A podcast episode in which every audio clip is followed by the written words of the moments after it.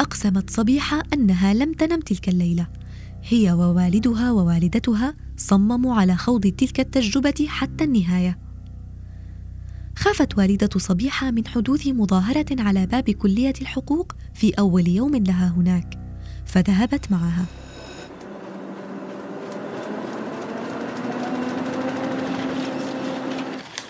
عنب بلدي بودكاست. شغل المرأة وظائف في الدولة. حق المرأة بالتعليم والعمل وحقها المشروع بالاختيار. مصطلحات اعتيادية في يومنا الحالي لكنها لم تكن كذلك في العراق سابقا. عام 1924 سمحت مديرة مدرسة البارودية للطالبات في بغداد بالمشاركة ضمن الاستقبال الشعبي للأمير غازي. ولي العهد في العراق آنذاك. خرجت الطالبات اللواتي لا تتجاوز أعمارهن ثلاثة عشر عاماً. مرتديات زي الكشافة حاملات العلم العراقي. لكن خروجهن تسبب بتوجيه كثير من النقد لمديرة المدرسة. واعتبر عملهن انتهاكا لحرمات المجتمع. هذا مثال بسيط لحال المرأة العراقية آنذاك. إذ لم تسلم من الأحكام الجائرة عليها والتصدي الدائم لمطالبها بحقوقها. ولم تصل المرأة إلى نيل حريتها إلا بالكفاح والمواجهة.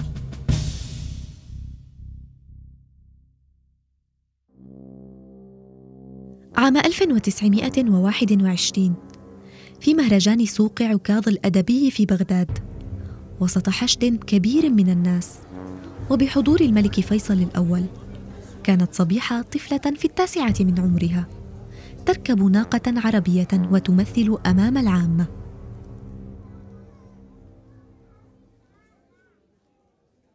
كنا كأنجم ليل وسطها قمر. يجلو الدجى فهوى من بيننا القمر. يا صخر ما كنت في قوم أسر بهم إلا وإنك بين القوم مشتهر. فاذهب حميدا على ما كان من حدث فقد سلكت سبيلا فيه معتبر.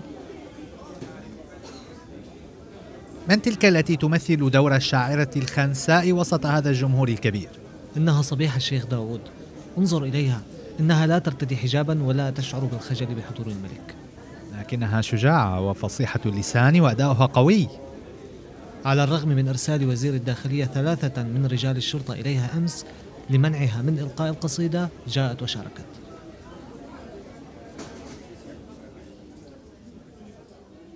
مثلت صبيحة الشيخ داوود في المهرجان بدعم من والدها. الذي كان أحد أهم الشخصيات الدينية. على الرغم من رفض واستياء عم الأوساط الدينية والاجتماعية حينها. والدها مثقف متنور ومتمدن نائب في المجلس النيابي وزير للأوقاف في عهد المملكة العراقية. وازداد الأمر سوءا برفض الجموع لهذا الأمر. لكن الملك فيصل دعمها وأيدها. ما شجعها وأنهى الجدل. كانت مشاركتها جريئة كجرأتها بتحقيق جميع أهدافها وبدفاعها عن حقوق المرأة العراقية وإسهامها ببناء مجتمع عراقي جديد.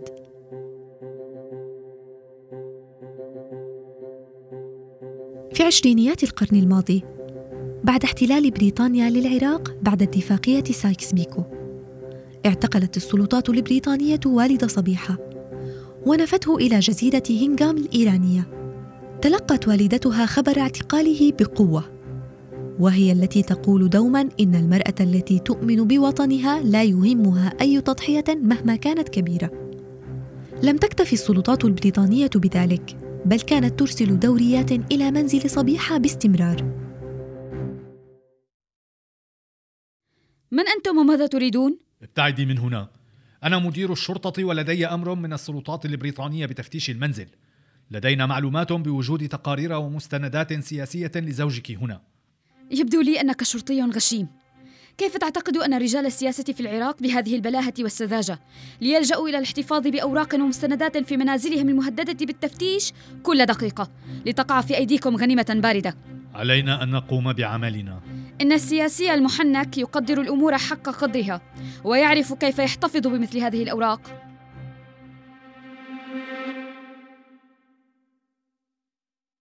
فهم مدير الشرطة قصد والدة صبيحة وشعر بالارتباك. أخرج منديلا ليمسح العرق عن وجهه. تقول صبيحة إن والدتها نجحت ذلك اليوم بإخفاء المستندات التي كانوا يبحثون عنها في سقف إحدى غرف المنزل. استمدت قوة من والدتها نعيمة سلطان حمودة التي كانت داعمة للمرأة ومتبنية الدفاع عنها. لتتخلص من معاناتها في كل الملفات الشائكة اجتماعيا قانونيا فكريا واقتصاديا. لم تكن صبيحة أقل اندفاعا لتحقيق ذاتها. إذ درست الابتدائية في مدرسة لم يزد عدد طالباتها الإناث عن ثمان. ثم بدأ عدد الطالبات في المدارس يرتفع ببطء وسط استياء كبير من الناس. يتحدث جميل بيهم صاحب المؤلفات في قضايا المرأة العراقية عن بدء افتتاح مدارس للبنات حينها قائلا إن إقبال العراقيين على تعليم المرأة جاء من قبيل التفاؤل بحسن المستقبل في زمن كانت فيه جماهير من الشعب العراقي تصرخ القبر ولا المدرسة اعتراضا على بدء الحكومة بفتح مدارس للبنات.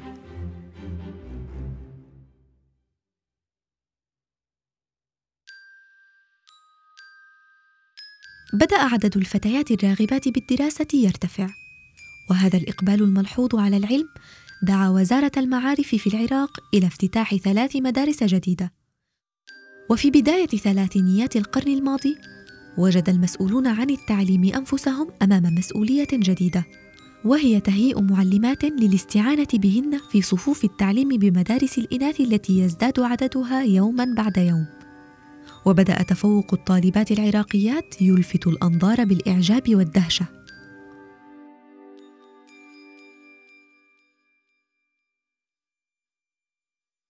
أنهت صبيحة الثانوية وكانت تخطط طوال الوقت لدخول كلية الحقوق. ففكر والدها بإرسالها للدراسة خارج العراق كما جرت عادات العائلات الميسورة. وذهبت مع والدها لمقابلة وزير المعارف صادق البصام بالنسبة لي لا تهمني تكاليف التعليم في الخارج لكن ماذا عن الفتيات الفقيرات؟ هل يقضى عليهن بالحرمان من نعمة العلم يا حضرة الوزير؟ لكن الكليات مختلطة كيف ستدخل الفتاة كلية مليئة بالرجال؟ لا يوجد قانون يحظر على الفتيات الانتساب إلى الكليات المختلطة قل لي يا سيد صادق قانونا هل تستطيع كلية الحقوق رفض طلب التحاق ابنة صبيحة؟ مم. قال لي أحدهم إن قبول ابنتك في الجامعة سيثير الرأي العام. لا تنسى أن بين طلاب الحقوق الكثير من القادمين من الأرياف ممن تحكمهم العادات وسيؤثر هذا على سمعة ابنتك. وعلى الرغم من كل هذا ابنتي ستدخل الكلية. أقسمت صبيحة أنها لم تنم تلك الليلة. هي ووالدها ووالدتها صمموا على خوض تلك التجربة حتى النهاية. خافت والدة صبيحة من حدوث مظاهرة على باب كلية الحقوق في أول يوم لها هناك فذهبت معها. وعندما بلغتا الباب وجدتا الطلاب متجمهرين على جانبي الطريق. تأملت والدة صبيحة وجوههم فلاحظت الاستنكار على ملامحهم. ثم دفعت ابنتها بيدها قائلة اذهبي وحافظي على هدوء أعصابك. مشت صبيحة بخطى واثقة خطوة خطوة. انتزعت غطاء وجهها تمسكت بعباءتها وشدت عليها بقوة. كانت ترتدي ملابس محافظة جعلت هيئتها أقرب إلى راهبة أكمام طويلة وعباءة سوداء. ثم وقفت أمها وراءها تقدمها للطلاب قائلة أعتقد أنكم ستعاملون أختكم معاملة طيبة فأنا أتركها أمانة لديكم.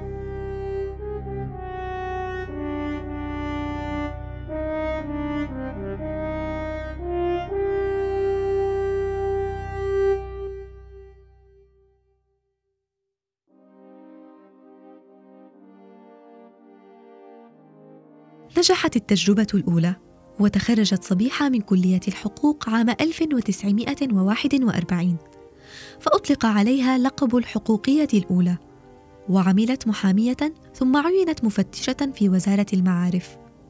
اختلط على الناس أمر تعيينها قاضية في محكمة الأحداث وكونها أول امرأة تتولى منصبا كهذا في العراق.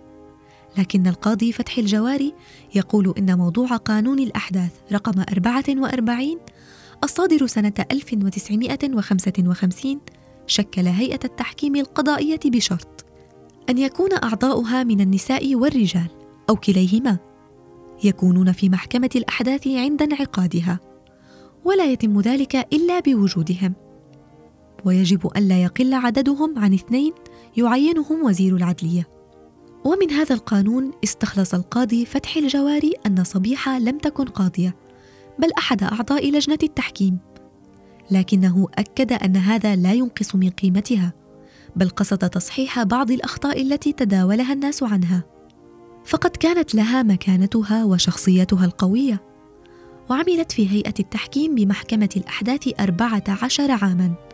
كانت محل اهتمام زملائها وأساتذتها حتى تخرجت.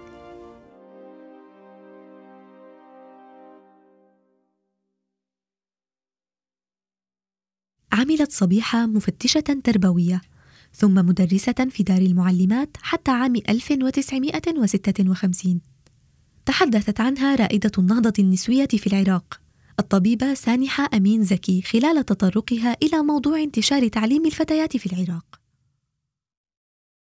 يوم كانت بغداد نائمة في أحضان العصور المظلمة والمرأة حبيسة دارها توج الملك فيصل الأول ملكا للعراق. هذا العهد كان بداية جديدة عصرية ومباركة. فتحت آفاقا جديدة أمام البلاد كلها وخصوصا أمام النساء. انتشر التعليم وتحولت المرأة من شخص عاجز إلى سيدة متعلمة تكسب رزقها كما يفعل الرجال. وكانت معلماتي على درجة كبيرة من الأناقة والعصرية في الملابس والاعتناء بالشعر وأسلوب الكلام المهذب. ومن أولئك المعلمات صبيحة الشيخ داود. أذكر مناسبة شهدتها عام 1930 حين دخلت إلى الصف وأخبرتنا بوصول فرقة فاطمة رشدي إلى بغداد وستكون روايتهم عن مصرع كليوباترا. هي مسرحية شعرية من تأليف أحمد شوقي. كم كان الزمن الذي عاشته صبيحة مختلفا عن زماننا؟ عام 1958 صدر كتابها بعنوان أول الطريق إلى النهضة النسوية. حكت من خلاله تجربة النساء في العراق ومعاناتهن. أصبح من أهم المصادر التي يرجع إليها لمن يرغب بمعرفة ما يتعلق بنهضة المرأة العراقية. بدأت كتابها بكلمة تهديها لروح والدتها التي كانت غائبة عند إصدار الكتاب. كانت والدتها في بداية عشرينيات القرن الماضي نشطة في جمعية للنهضة النسائية التي أسستها مجموعة من النساء. عزمنا على الدعوة إلى وجود جمعية تجمع شمل النساء العراقيات، وتعدهن ليصبحن عضوا فعالا في المجتمع العراقي. قوبلت تلك المحاولات حينها بالرفض والسخط من الرجال المحافظين. بدأوا يشكون هذا المنتدى إلى الحكومة للتخلص منه. لكن هذا لم يحدث واستمرت الجمعية وكانت أول هيئة نسوية عراقية تحقق مبدأ الإعالة الاجتماعية وتدعم النساء وتساندهن. كان لنشاط والدتها في جمعية النهضة دور بتشجيعها على فتح صالون أدبي شبيه بالصالونات الأدبية الفرنسية.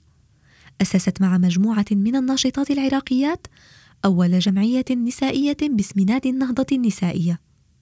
عملت على القيام ببرنامج إصلاحي متكامل شاركت فيه أسماء كبيرة من النساء الرائدات وسيدات المجتمع شاركت صبيحة أيضا بجمعيات خيرية عديدة كالهلال الأحمر والأم والطفل والاتحاد النسائي. أسهمت بأنشطة ومؤتمرات نسوية وإنسانية. كتبت في العديد من الصحف والمجلات التي تناولت من خلالها الحديث عن مسيرة المرأة في العراق. بدأت معاركها مع الحياة باكرا. شاركها والداها بمسيرتها الطويلة في مجالات عديدة. لم تتزوج صبيحة ولم تنجب. بل تركت ما يخلد ذكراها من إنجازات لتحرير الفكر من أغلال كانت محكمة. حطمت أسوارا عالية من الجهل في بغداد التي عاشت فيها ودفنت تحت ترابها عام 1975 في مقبرة الخيزران.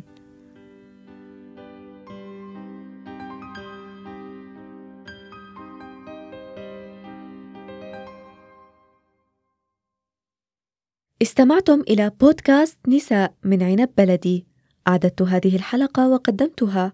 أنا سكينة المهدي. نحن موجودون على Apple Podcast، Google Podcast و SoundCloud